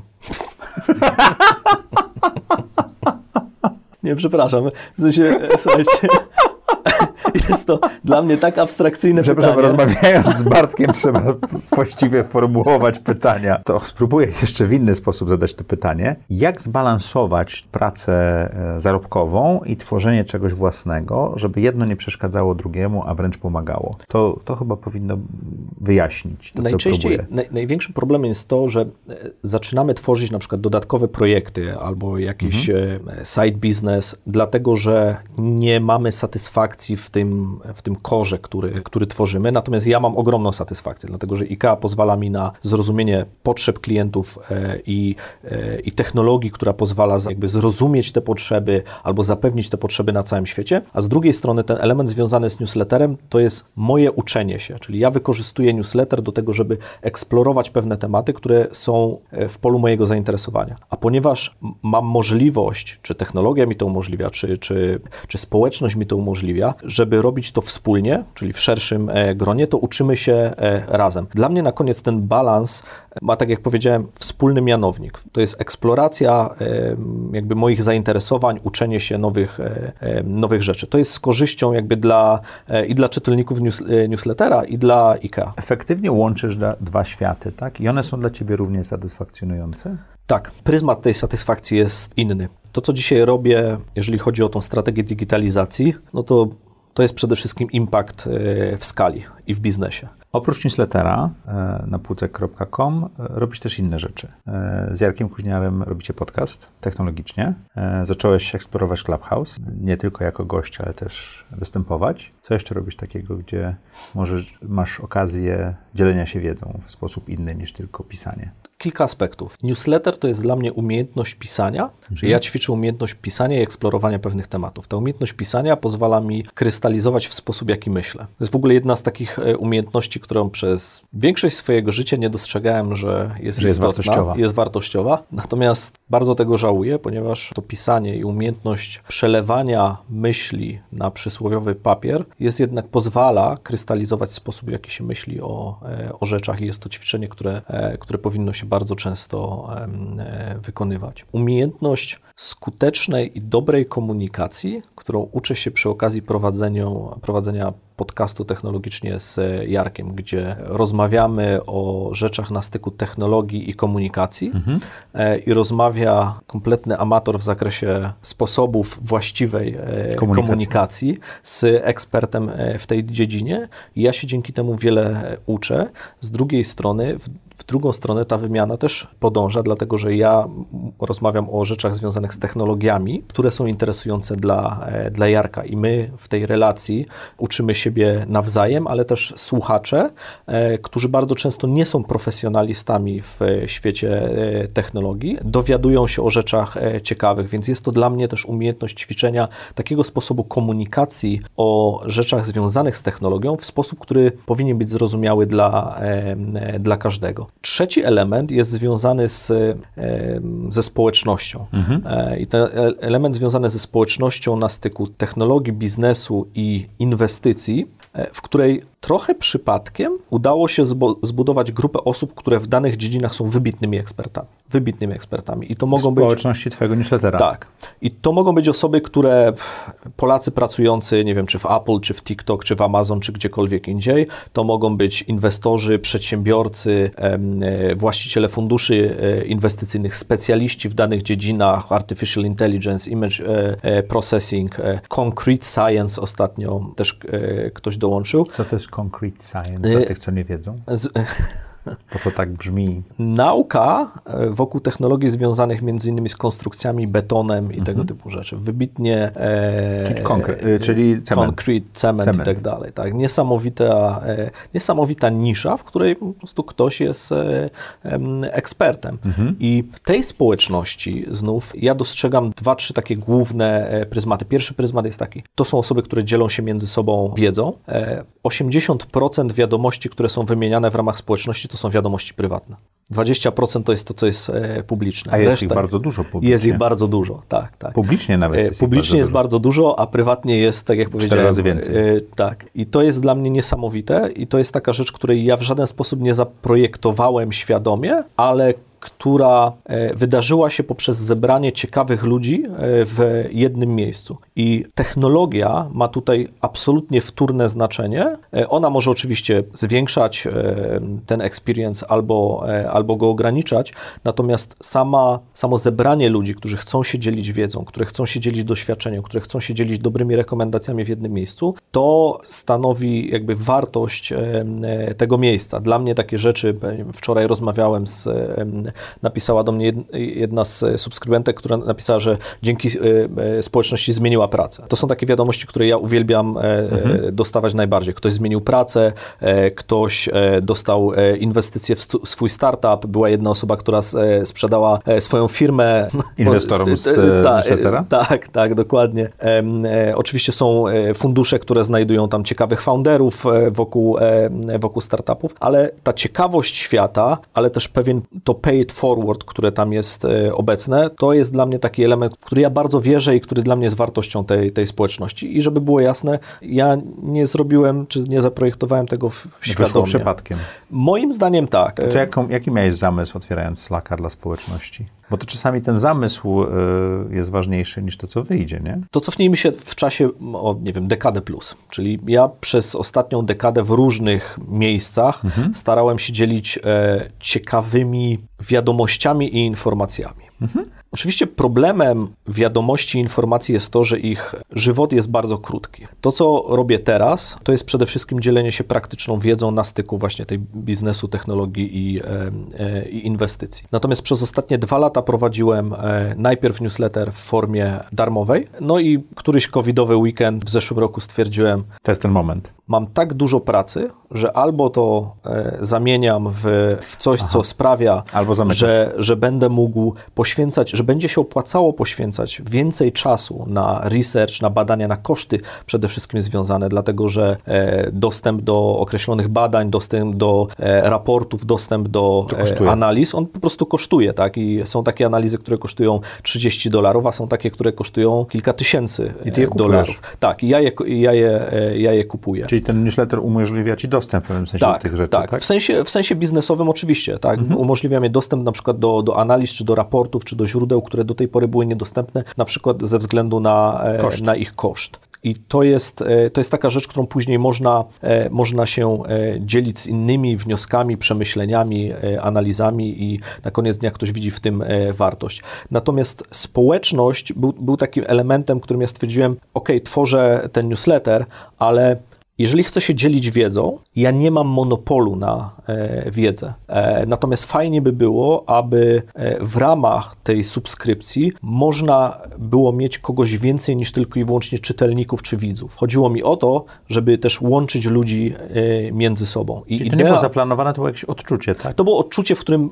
ja stwierdziłem, że jeżeli chcę, żeby to miało mhm. sens, w sensie idea, w którym e, dzielimy się, uczymy się publicznie, czyli ten e, learn in public, a z drugiej strony pay it forward, czyli dzielimy się też wiedzą z e, innymi e, bezinteresownie, to nie powinna być e, jakby droga jednokierunkowa, czyli ode mnie w stosunku do, do innych osób, ale też idealnie by było tworzyć połączenia pomiędzy ekspertami w, w danych dziedzinach, ponieważ jest mnóstwo rzeczy, na których ja się nie znam i nigdy się nie będę znał, natomiast są ludzie, którzy są w tym najlepsi w Polsce, czy najlepsi na świecie, są wybitnymi praktykami i fantastycznie było czerpać z, z, ich wiedzy. I to w jakimś sensie się e, udało. Ile czasu zajmuje Ci moderowanie tej społeczności? Nie moderuję tej społeczności. Rozumiem, ale czy też większość wiadomości, które tam się przewija? W tej chwili już to jest fizycznie niemożliwe. Ja, ja, ja, tam wchodzę, mam takie ciśnienie mnie przytłacza wręcz. W tej chwili to jest fizycznie niemożliwe, natomiast e, ludzie pomagają sobie. Mhm. E, jeżeli potrzebują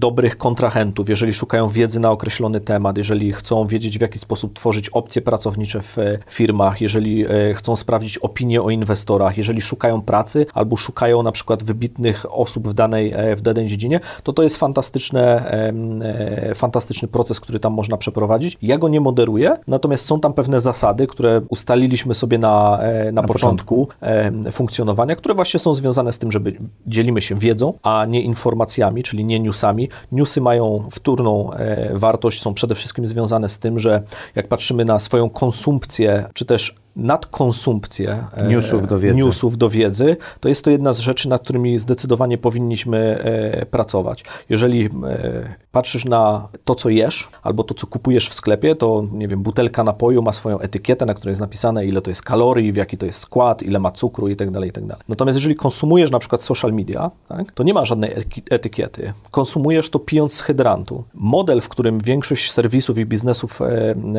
social mediowych funkcjonuje, to jest moment, model, w którym e, ktoś zarabia na Twoim czasie, czy też na Twojej atencji. Podobnie jak telewizja. Więc zadaniem tych serwisów jest utrzymanie Twojej atencji przez maksymalną mhm. ilość e, czasu. Ty płacisz swoim czasem, ktoś monetyzuje to w, na przykład w formie reklam, dzięki temu, że zatrzymał tą atencję. Natomiast człowiek e, skonstruowany jest w ten sposób, że atencję można przyciągnąć przez rzeczy, które są smutne, sensacyjne bądź szokujące. Więc spędzamy czas na rzeczach, które nie mają większego znaczenia z perspektywy naszego funkcjonowania Ale jako nas szokują, ludzi. smucą albo śmieszą. Natomiast dokładnie tak. Natomiast dzięki temu e, jesteśmy, e, mają, e, mają naszą e, atencję i umiejętność zrozumienia, jak wygląda nasza dieta e, taka konsumpcyjna i praca nad tą dietą, czyli pracujemy nad swoim ciałem, chodzimy, nie wiem, na siłownię, chodzimy na basen, podobnie się ma z kulturą, kulturą, tak? czyli chodzimy do teatru, chodzimy do kina i tak dalej, i tak dalej, ale nie zastanawiamy się, jak na co dzień z perspektywy naszego czasu, a spędzamy w,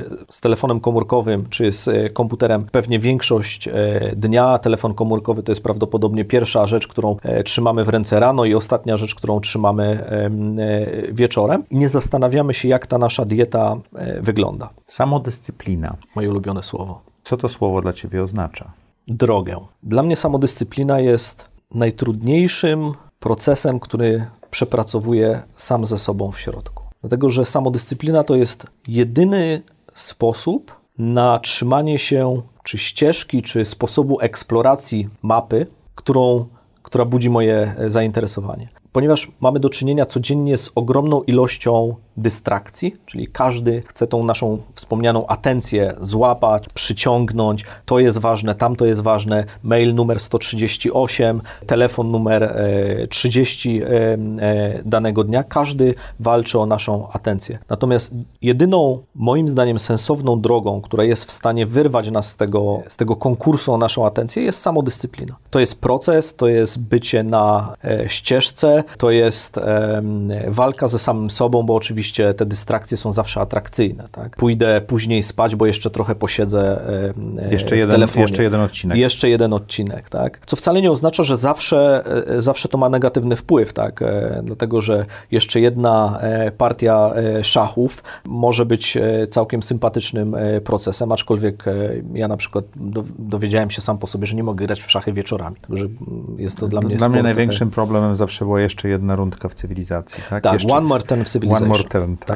Tak. W ogóle to, to jest akurat ciekawe, że wspominasz cywilizację, dlatego że ja jestem e, ogromnym fanem tej gry od pierwszej e, części. W ogóle uważam, że gry to jest jedna z e, ciekawszych rzeczy, które prowadzą do, które są w stanie pomóc nam w tym procesie zrozumienia świata, właśnie edukacji, zrozumienia pewnych e, procesów. E, Cywilizacja osobiście uważam, że powinna być taką grą, w którą każdy Factorio, powinien zagrać. StarCraft, Tak. Europa, Paris. I, I zobacz, że prawdopodobnie ten sam model, który zastosowałbyś do książek, jesteś w stanie zastosować do gier. Czyli mogą być gry e, typu Łubu Dubu i strzelanki, które prawdopodobnie, znaczy nieprawdopodobnie, jest szereg badań, Candy które Crush. pokazują, że w żaden sposób nie poprawiają nas, czy też nie pozwalają nam się doskonalić jako, jako ludziom. Natomiast e, jest szereg badań, gdzie takie gry jak Cywilizacja, absolutnie na przestrzeni lat było szereg badań, które pokazują wpływ, pozytywny wpływ na e, spektrum myślenia, na myślenie strategiczne. Factorio to jest zresztą taka gra, w którą każdy founder startupu powinien grać po to, żeby zrozumieć, jak wygląda proces skalowania organizacji oraz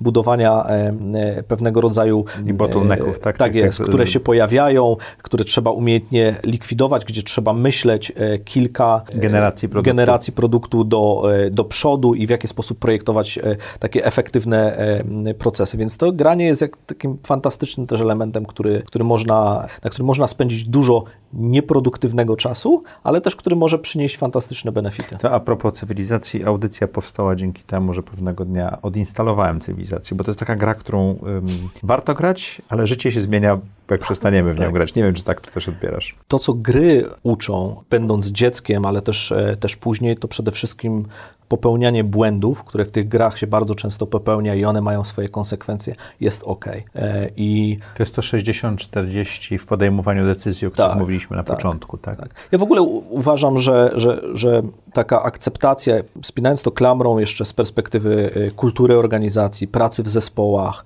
e, relacji międzyludzkich, zrozumienie i pewnego rodzaju akceptacja ryzyka i że to ok popełniać błędy jest jedną z takich ważniejszych e, zdolności, którą trzeba, którą trzeba też samemu przerobić, że to jest ok, I jeżeli popełnia w błędy. grach uczysz się z tych błędów, bo nie, nie wejdziesz do tej samej jaskini e, bez nie wiem, miecza po raz kolejny, prawda? Dokładnie. Plus, y, wiesz, jak patrzymy na to z perspektywy społeczeństwa, kultury, to też są społeczeństwa, które pozwalają, czyli mają większą tolerancję do popełniania błędów i społeczeństwa, które mniej tolerują, tak? Czyli jeżeli ktoś popełnia błędy, no to automatycznie stygmatyzuje się e, takie osoby, natomiast popełnianie błędów jest najlepszą drogą do nauczenia się czegoś nowego, tak? To nie jest, e, to jest tak jak z, odk- z odkryciami naukowymi. Większość osób postrzega e, odkrycia naukowe jako ten moment, w którym następuje eureka. Coś się wydarzyło i nagle jest eureka, tak? Podczas gdy większość jednak największych odkryć naukowych, e, to co zostało powiedziane e, w trakcie tych odkryć, to, to, to dziwne. Czyli coś się nie udało, tak? To dziwne. I nagle się okazuje, że w tym eksperymencie, który się nie udał, Dziwne, dokonano odkrycia. e, Zaczyna być pytaniem, nie? Tak, tak. To dziwne jest pytaniem, dlatego że, że, że coś się wydarzyło, czego nie, nie, Oczekiwaliśmy. nie oczekiwaliśmy. Tak? Czyli wydarzył się jakiś rodzaj błędu, coś niespodziewanego. I zarówno w relacjach między ludźmi, w relacjach zawodowych, w relacjach w zespołach, e, w firmach bardzo często nie ma tolerancji do, e, do błędów. Natomiast i, i ja jak patrzę przez pryzmat e, decyzji, które podejmowałem, podejmuję, pracy w różnych organizacjach, to ja popełniłem mnóstwo błędów. Są błędy, za które mogę się wstydzić, są błędy, które popełniłem nieświadomie, są błędy, które popełniłem semiświadomie, ale gdybym ich nie popełnił, to nie byłbym dzisiaj w tym miejscu, w którym jestem, a na koniec dnia jestem w miejscu, które się nazywa jeden. I to jest bardzo satysfakcjonujące dla mnie. To jak wygląda twój typowy dzień? Jak chciałbym, żeby wyglądał mój typowy dzień, a jak Nie, wygląda? nie, to, to nie było to pytanie. To nie, to, nie, nie, nie, nie. W audycji Zaprojektuj swoje życie staramy się mówić o prawdziwym obliczu naszych gości, jeżeli nam, nas do tego dopuszczą, więc Rano, śniadanie, wszystkie rzeczy, które są wokół, e, nie wiem, jakiejś aktywności e, rodzinnych, w okolicach godziny 6-6.30. To jest taka kiedyś byłem wielkim fanem wstawania wcześniej, teraz już e, nie, ale pewnie dlatego, że chodzę później spać, co jest jakimś mm, moim błędem. Natomiast e, zazwyczaj e, staram się mój dzień e, dzielić e, w taki sposób, e, czy też w takie części, w której pierwsza część jest związana z taką działalnością, nazwijmy to sobie operacyjną, czyli wokół tego są tak zwana bieżączka. Druga część to jest część, którą bardzo skrzętnie staram się pilnować, aczkolwiek ze względu na różnice czasowe w mojej pracy, praca z zespołami, nie wiem, czy ze Stanów Zjednoczonych, Chin, Australii, czy, czy, czy, czy Indii, e, czasami ta agenda wygląda troszeczkę inaczej, ale głównie ten moment w trakcie dnia między, między godziną 9 a 12 staram się spędzać na czym, co się pięknie e, przez Newporta zostało nazwane pracą e, głęboką, czyli ten moment, kiedy e, mogę pracować nad rzeczami, które, którymi muszę się skupić, które są ważne, albo które się wydają ważne. To mogą być od prezentacji przez analizy po, Z e, po wyłączeniem jakieś opracowania. rzeczy, które ci rozpraszają. wtedy. Oczywiście, Jak robisz tak. deep work, to jest... To jest dla mnie, ja jestem pod tym względem bardzo ortodoksyjny, mam jakieś takie swoje rytuały, e, aplikacje, narzędzia, które pozwalają mi się wokół tego, e, wokół tego realizować. Nie zawsze skutecznie, bo na koniec dnia tych dystrakcji po prostu jest, jest ich wiele. No i przede wszystkim spotkania, tak? czyli coś, czego bardzo nie lubię, a co muszę e, e, robić. Spotkania, e, tak, to jest większość, bym powiedział, popołudnia, które, e, które mi zajmuje. No i oczywiście idealnie by było też w, tych, w te dni znaleźć też czas na, na pasję, co jest dla mnie, e, przynajmniej w tych warunkach, trudne obecnie. A co jest twoją pasją? Na pewno pasją jest czytanie książek. Na pewno pasją są analizy. Generalnie rzecz biorąc, ja lubię analizować e, e, rzeczy. E, moją pasją są szachy. Lubię zarówno te szachy w formie błyskawicznej, jak i w, e, w formie tradycyjnej. Słuchaj, jeżeli dobrze zrozumiałem w tym twoim opisie dnia, to nie masz dedykowanego czasu na tworzenie newslettera. To się przeplata pomiędzy wszystkimi rzeczami, które robisz. Dobrze to zrozumiałem? Tak, dlatego że część z tego tak zwanego badania, researchu e, po prostu jest zautomatyzowana, czyli widzę coś ciekawego, czym chciałbym się zająć, albo czym już się zająłem, albo gdzie mam gotowe przemyślenie, albo gdzie mam gotowe wnioski i to wpada w taki mój proces e, tworzenia tego newslettera, w których elementy, pewne elementy tego procesu są zautomatyzowane, a pewne są nadal robione e, ręcznie. Zresztą ja akurat Zautomatyzowane w sposób... za pomocą takich narzędzi jak Zapier, za pomocą jakichś skryptów, za pomocą skrótów klawiaturowych, za pomocą narzędzi typu Roam Research, tak, którego od niedawna jestem e, ogromnym fanem, za pomocą takich narzędzi jak Notion. Generalnie rzecz biorąc, pod względem optymalizacji produktywności takiej własnej, to jest to na pewno taki element, gdzie powiedziałbym, że przesadzam, ale jednocześnie to pozwala mi oszczędzać godziny tygodniowo. Bo Rome Research wypróba ci to, co chcesz, tak? Ponieważ Roam Research pozwala mi połączyć kropki między sobą, e, czyli pomiędzy różnymi tematami, trendami, wiedzami, segmentami, e, powiedzmy szufladkami e, e, w, e, Daje ci artykuły, tej- które w tej- pasują, tak? w tej bazie, daje mi moje wnioski, moje przemyślenia, moje myśli w pewnych, e, w pewnych miejscach, co oczywiście wymaga ode mnie jeszcze wcześniej pracy nad tym wszystkim.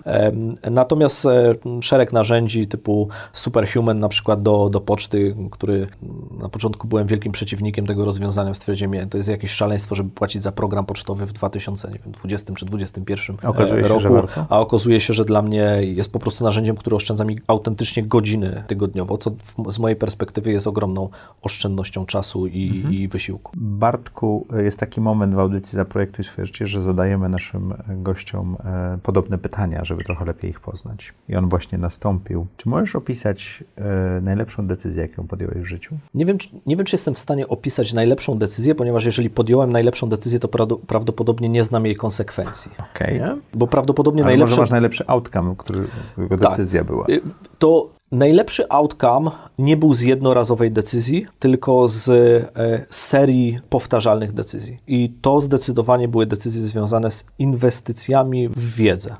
Zdecydowanie tak. Czyli drobne decyzje o inwestycjach w wiedzę, subskrypcja, pójście do szkoły, czy cokolwiek, dały ci najle- najlepszy Dokładnie outcome. tak. Inwestycja w wiedzę to jest zarówno właśnie, nie wiem, e, subskrypcja e, ciekawych treści, to być może jest pojechanie na, na jakiś kurs, ale to jest również spotkanie z z osobami, które tą wiedzę mają, od których mogę się nauczyć. Czyli to nie jest tylko i wyłącznie ten aspekt e, czysto teoretyczny, akademicki, ale to jest przede wszystkim uczenie się od innych ludzi. I wydaje mi się, że to, co ja miałem przyjemność, czy mam przyjemność e, napotykać w wielu, w wielu miejscach, to jest otwartość innych ludzi na dzielenie się e, e, wiedzą. I czy, wiesz, jeżeli miałeś wielokrotnie okazję rozmawiać, jak rozmawiasz z Przemkiem Gackiem, czy jak rozmawiasz z Michałem Brańskim, e, czy, czy jak mam przyjemność teraz rozmawiania z ludźmi w różnych e, częściach e, świata, to ta umiejętność dzielenia się wiedzą jest widoczna na każdym e, kroku. Tak? To jest taki element, z którego po prostu możesz czerpać, ale z drugiej strony największa satysfakcja przychodzi w tym momencie, w którym też okazuje się, że potrafisz też tą wiedzą ze swojej strony się podzielić. Również dawać. Tak jest. To jest ten element, który moim zdaniem jest najbardziej wdzięczny, najbardziej wynagradzający. Co daje Ci najwięcej energii czy satysfakcji w życiu? To jest to właśnie? Coś innego? Wiesz co, e, pierwszy raz zacząłem pić kawę e, w styczniu. W życiu? swoim życiu, tak. To znaczy nie pierwszy raz, kiedy spróbowałem, ale dopiero na przestrzeni ostatniego e, miesiąca zacząłem w miarę regularnie pić kawę. Jeszcze nie wiem, Więc co to daje Ci dużo energii. E, Natomiast do tej pory jakby ja dużo energii miałem, Mhm. mam generalnie rzecz biorąc e, wewnętrznie, natomiast wydaje mi się, że to, z czego ja czerpię dużo energii, to jest poczucie e, wolności. Okej, dużo o tym mówiłeś. Co daje Ci praca na swoim? No bo tworzysz coś swojego teraz. Praca na swoim daje przede wszystkim niezależność. Oczywiście, i tutaj wracam do tej idei albo do tego porównania pracy na swoim e, versus pracy w, w dużej firmie. E, No robisz chwilowo jedno i drugie, nie? Ale Tak.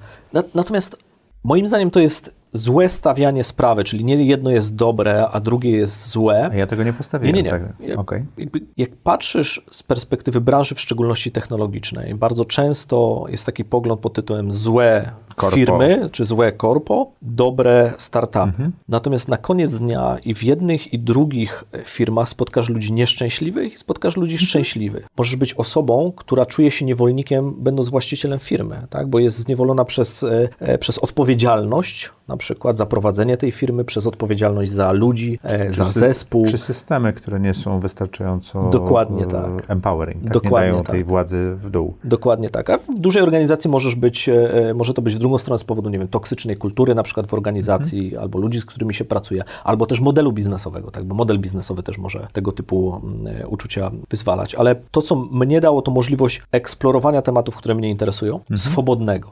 Tak? Dała mi możliwość e, uczenia się publicznie, czyli możliwość dziele- z jednej strony dzielenia się wiedzą, ale też uczenia się razem z e, czytelnikami, razem z e, subskrybentami. Mówimy tutaj zarówno o tym, że dzięki temu ja się dzielę wiedzą, ktoś ze mną się dzieli się wiedzą, tak jest, też. ale też pod, ktoś może mnie na przykład wytykać błędy i mówi, w tym temacie myliłeś się, w tym temacie powinieneś eksplorować więcej, w tym temacie zwróć uwagę Mhm. na, na coś innego i to, to są takie rzeczy, które są bardzo, bardzo satysfakcjonujące.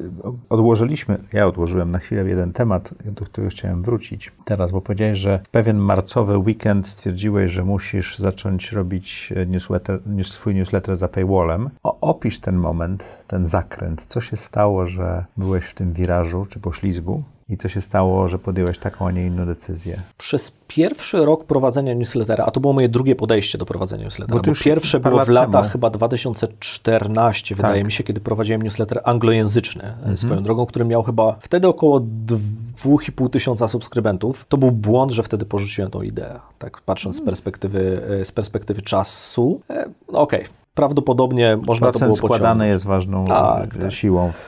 We wszechświecie. Natomiast to, co było takim głównym, e, albo jednym z głównych katalizatorów do, e, do wprowadzenia jakby tej płatnej części, to było to, że ja zdałem sobie sprawę, że ze względu na narzędzia, z których korzystam, ze względu na model, w którym to funkcjonuje, ja nie jestem bezpośrednim właścicielem relacji ze swoimi e, czytelnikami. I to nakłada pewnego rodzaju ograniczenia, to ogranicza swobodę tworzenia tych treści, to ogranicza swobodę dzielenia się wiedzą, to ogranicza swobodę eksplorowania tematów, które mogą być interesujące dla, e, dla czytelników. I stwierdziłem, ok, oczywiście dodatkowym e, bodźcem do tego było to, że przez szereg, przez szereg e, miesięcy część osób pisało do mnie, że powinienem wprowadzić płatności do tego newslettera, bo to jest Wartość. wartość i to jest absurdalne, że to jest dostępne Czyli za free. twoi czytelnicy mówili ci, że chętnie by zapłacili efektywnie. Tak, co oczywiście z perspektywy doświadczenia w pracy w polskich mediach oraz popularności treści płatnych w Polsce Polsce wydawało mi się z jednej strony nieco szalone, czyli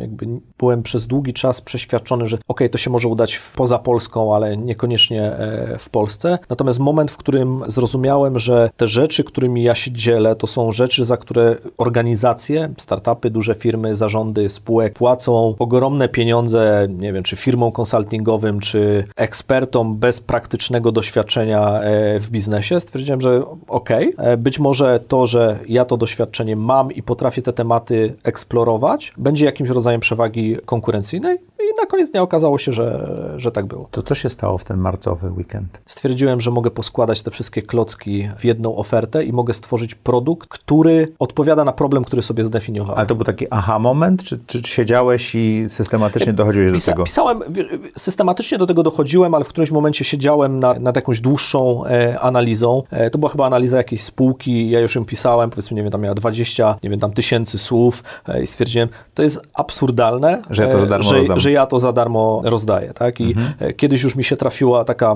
e, pisanie takiej analizy, którą chciałem opublikować e, i po którą po prostu przyszła firma i stwierdziła, ja kupię od Ciebie całą tą analizę, ponieważ ona jest istotna z punktu widzenia naszego biznesu i kupili po prostu tą analizę na, na wyłączność. I stwierdziłem, ok, być może jeżeli są firmy, które są skore za to płacić, to jeżeli zastosuję do tego model e, e, subskrypcyjny, czy też ja sobie to ładnie nazwałem PAS, Person as a Service i e, Dobre. I to to może być bardzo zbliżone do modelu, który jest właśnie stosowany w, w SaaSach, e, do e, modelu, który jest stosowany właśnie w subskrypcjach i mogę dzięki skali, czyli zwiększeniu e, ilości subskrybentów, w skuteczny sposób monetyzować, monetyzować tą, tą wiedzę, ten newsletter i też tą społeczność. Przy czym na przykład jedno z pytań, które ja często sobie zadaję dotyczące tego produktu, to jest w którym momencie czy i w którym momencie na przykład ją zamknąć dla e, kolejnych osób. Czyli zrobić ekskluzywną. Zrobić tak, żeby nie dało się, żeby nowe osoby nie mogły do niej. To jest jeden z tematów, nad którymi się zastanawiam, nad którymi siedzę. To jest, czy razem ze wzrostem ilości subskrybentów nie będę miał do czynienia, a w, teorii na pewno na jakimś etapie miałbym do czynienia, ze spadkiem jakości samego produktu. Być może. Produktu, którym jest społeczność, czy produktu, którym jest newsletter? Produktu, którym jest i newsletter, i społeczność, dlatego że być może kuszący będzie ze względu na wzrost y, y, ilości subskrybentów, będę na przykład zainteresowany eksplorowaniem tematów y, szerzej, które być może... Bardziej popularne. Albo w drugą stronę, być może ja będę zainteresowany z eksplorowaniem pewnych nisz, które dla części osób mogą nie być interesujące, a dla innych, na przykład w szerszym innym gronie, będą, e, będą bardziej interesujące. I być może odpowiedzią na, e, na to jest w pewnym momencie stwierdzenie: OK, nowych, nowych subskrybentów na tą chwilę nie przyjmujemy. Być może, jeżeli kilka, kilkanaście osób zrezygnuje w ciągu roku, to być może te miejsca się otworzą. Ale to jest taka idea, z którą na razie bawię się w a swojej czy głowie. rozdzielenie ilości subskrybentów i ilości osób w społeczności nie byłoby tam takiej dwuproduktowość? Tak naprawdę chcę, żeby to był jeden produkt, okay. tak? żeby, żeby to była całość. Dla mnie ta wartość, którą wynosisz w całości z tego experience, są osoby, które przychodzą do, czy, czy kupują e, subskrypcje, subskrypcje głównie ze względu na newsletter i na przykład nie uczestniczą w e, społeczności. I vice versa. I odwrotnie, czyli osoby, mm. które przychodzą dla społeczności, a newsletter jest po prostu miłym dodatkiem do, jakby do, e, do tej subskrypcji. Oczywiście to zależy i od osoby, od firmy, od oczekiwań, ale ten element społecznościowy, tak jak wspomniałem, dla mnie był też e, e, zaskoczeniem. Zresztą to był jeden, jedna z takich e, ciekawostek. To był taki element, który jest często niedoceniany przez osoby, firmy, które próbują tworzyć konkurencję e, dla, dla tego produktu. Mniej lub bardziej e, udanie. Czasami to jest konkurencja wewnętrzna, czyli jakaś firma w skrajnych przypadkach albo bierze te analizy i używa u siebie wewnątrz organizacji, w mniej skrajnych próbuje zbudować wewnętrznie wewnątrz organizacji tego typu komórkę. No i oczywiście ten aspekt budowania społeczności jest super trudny. Oczywiście ten aspekt budowania, pisania newslettera też ma, też ma wartość. Zresztą część z tych firm później przyszło bardzo szybko z ofertami zakupu newslettera, subskrypcji. Mnie... Chcą od Ciebie kupić. Tak, w sensie tych... Pisz dla nas tylko. Rób to dla nas, albo rób to pod naszą e, marką. marką. Tak. Wow. Nie sprzedałeś? Nie. Z dwóch powodów. Mogę też e, powiedzieć z jakich. Mhm. E, z jakich. E, pierwszy dlatego, że utraciłbym bezpośrednią, re, czyli utraciłbym e, tą bezpośrednią relację z, e, z czytelnikami. Mhm. E, I to jest dla mnie jakby fundamentalnie ważne. A druga, nawet jeżeli mógłbym zachować tą relację, powinno to być w relacji biznesowej, tak? czyli bycie współwłaścicielem takiego swojego biznesu, a nie bycia e, pracownikiem w takim biznesie. Czyli utraciłbyś tą wolność, o której mówiłeś Dokładnie tyle razy. tak. A na to nie ma ceny. Zostawiając ten marcowy weekend za nami, wracając do tej ostatniej części audycji i tych pytań standardowych, czy jest coś, co mógłbyś przestać teraz robić, co by poprawiło Twoje samopoczucie albo wspomogło Twój rozwój? Jak zadajesz to pytanie, to przypomina, się, przypomina mi się taka historia z e, Aleksandrem Macedońskim, którą gdzieś e, przeczytałem, że Aleksander próbował e, przekroczyć rzekę i na drodze, w sensie w, em, do przekroczenia tej rzeki stał filozof i jeden z e, żołnierzy tego Aleksandra mówi, zejdź z drogi, kim ty jesteś, żeby stawać przed e, e, osobą, która podbiła świat? Na co ten filozof odrzeka, e, czy odrzekł, jestem osobą, która podbiła chęć podbijania świata. I ta rzecz, nad którą ja staram się pracować, a którą mógłbym chcieć robić bardziej lepiej, to jest ta umiejętność wciskania tej, e, tej pauzy. Czyli tego, że w którymś momencie być może trzeba zastopować tą chęć eksplorowania, bo tych ciekawych rzeczy, których, którymi może być zainteresowany, jest nieskończenie e, wiele i więcej e, doceniać te, te małe zwycięstwa, te małe A co mógłbyś zdjąć z wozu? Przy to, to, co mógłbym zdjąć z, ze swojego wozu, to jest e, to, co jest związane z ryzykiem każdej osoby, która pasjonuje się jakąś dziedziną. Czyli eksplorujesz tematy, e, w niektórych dziedzinach możesz być nawet całkiem dobry, możesz uważać, że nawet w danych dziedzinach jesteś na przykład ekspertem. Natomiast to, co to jest ta rzecz, którą warto było zdjąć ze swojego takiego mentalnego wozu, czyli e, w jaki sposób pozbyć się, nie pozbywać się doświadczenia, ale pozbyć się wrażenia, że w czymś e, jest się ekspertem albo bardzo dobrym. Czyli pytanie by było, w jaki sposób kultywować ten umysł początkującego e, w sobie. Nie? Czyli jak te rzeczy, które są na wozie, czyli Jak- de facto jak mogą stanowić dzieckiem. mentalne obciążenie dla e, decyzji, które podejmujemy w życiu zawodowym, w życiu rodzinnym, czy stworzyć ten startup, czy stworzyć ten produkt, czy iść tą ścieżką, czy inną ścieżką, czyli w jaki sposób potrafić i wypracować możliwość wyładowywania tych rzeczy z tego, e, z tego wozu, po to, żeby zachować ten umysł początkującego jak najdłużej, tak? Masz na to sposób? Nie wiem, czy ktokolwiek ma na to sposób, ale to Ja, jest ja taka... używam modelu finansowego, sunk cost, czyli utopionych kosztów, tak? Tego modelu, że jak podejmujesz decyzję, to nie zwracasz uwagi na koszty, które do tej pory poniosłeś, żeby tę decyzję podjąć, tylko podejmujesz ją tak, jakbyś ją podejmował tego dnia, a wszystko przedtem było sunk cost. Jak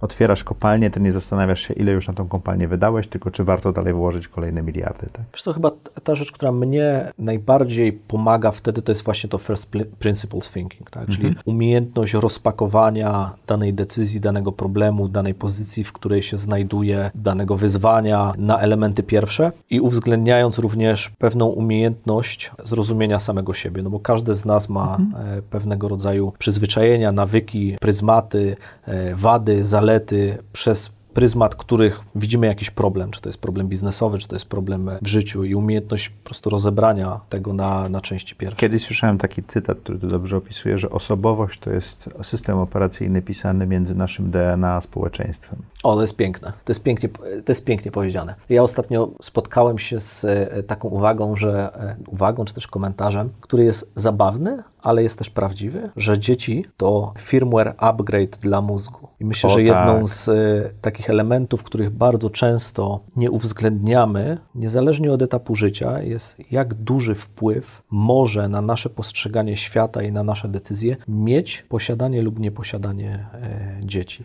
I przeczytałem o tym firmware upgrade dla mózgu. Jako, e, jako posiadanie dzieci, no to było coś. No i posiadanie dzieci pokazują Ci, jak Twój system operacyjny działa. też. Dokładnie tak. Dokładnie. Zgadzam się. Jaką masz supermoc, Bartku?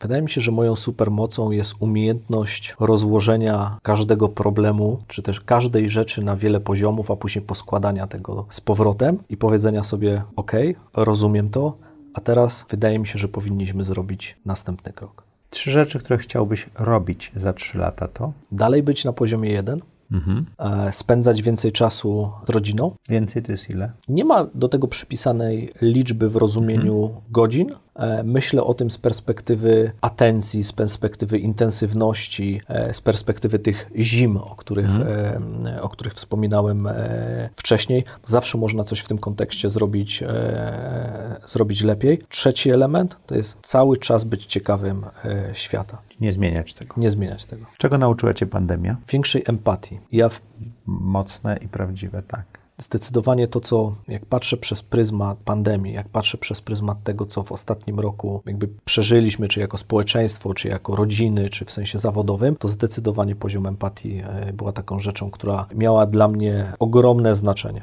Okej. Książka, która? Jedna książka, która pozwoli lepiej zrozumieć świat, rozmyślania Marka Aureliusza. Jedna książka, która pozwoli lepiej zarządzać swoim czasem i nawykami, Atomic Habits, James Clear. Jedna książka, która pozwoli lepiej zarządzać e, swoimi finansami i pojęciem bogactwa, e, Richest Man in Babylon. Przemycił trzy książki. E, Bartku, co chciałbyś, żeby słuchacze i widzowie audycji Zaprojektuj swoje życie zapamiętali z tej rozmowy? Większość osób poszukujących sukcesu albo sposobu na zaprojektowanie swojego życia bardzo często szuka igły w stogu siana.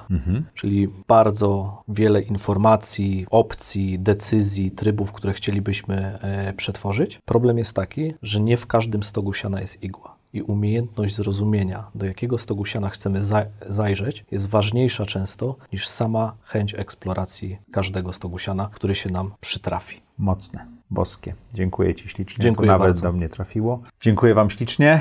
E, Mam nadzieję, że Zaprojektuj swoje życie jest tym Waszym stogiem siana, gdzie jest dużo igieł i nie trzeba mocno ich szukać. Zapraszamy Was co czwartek o czwartej.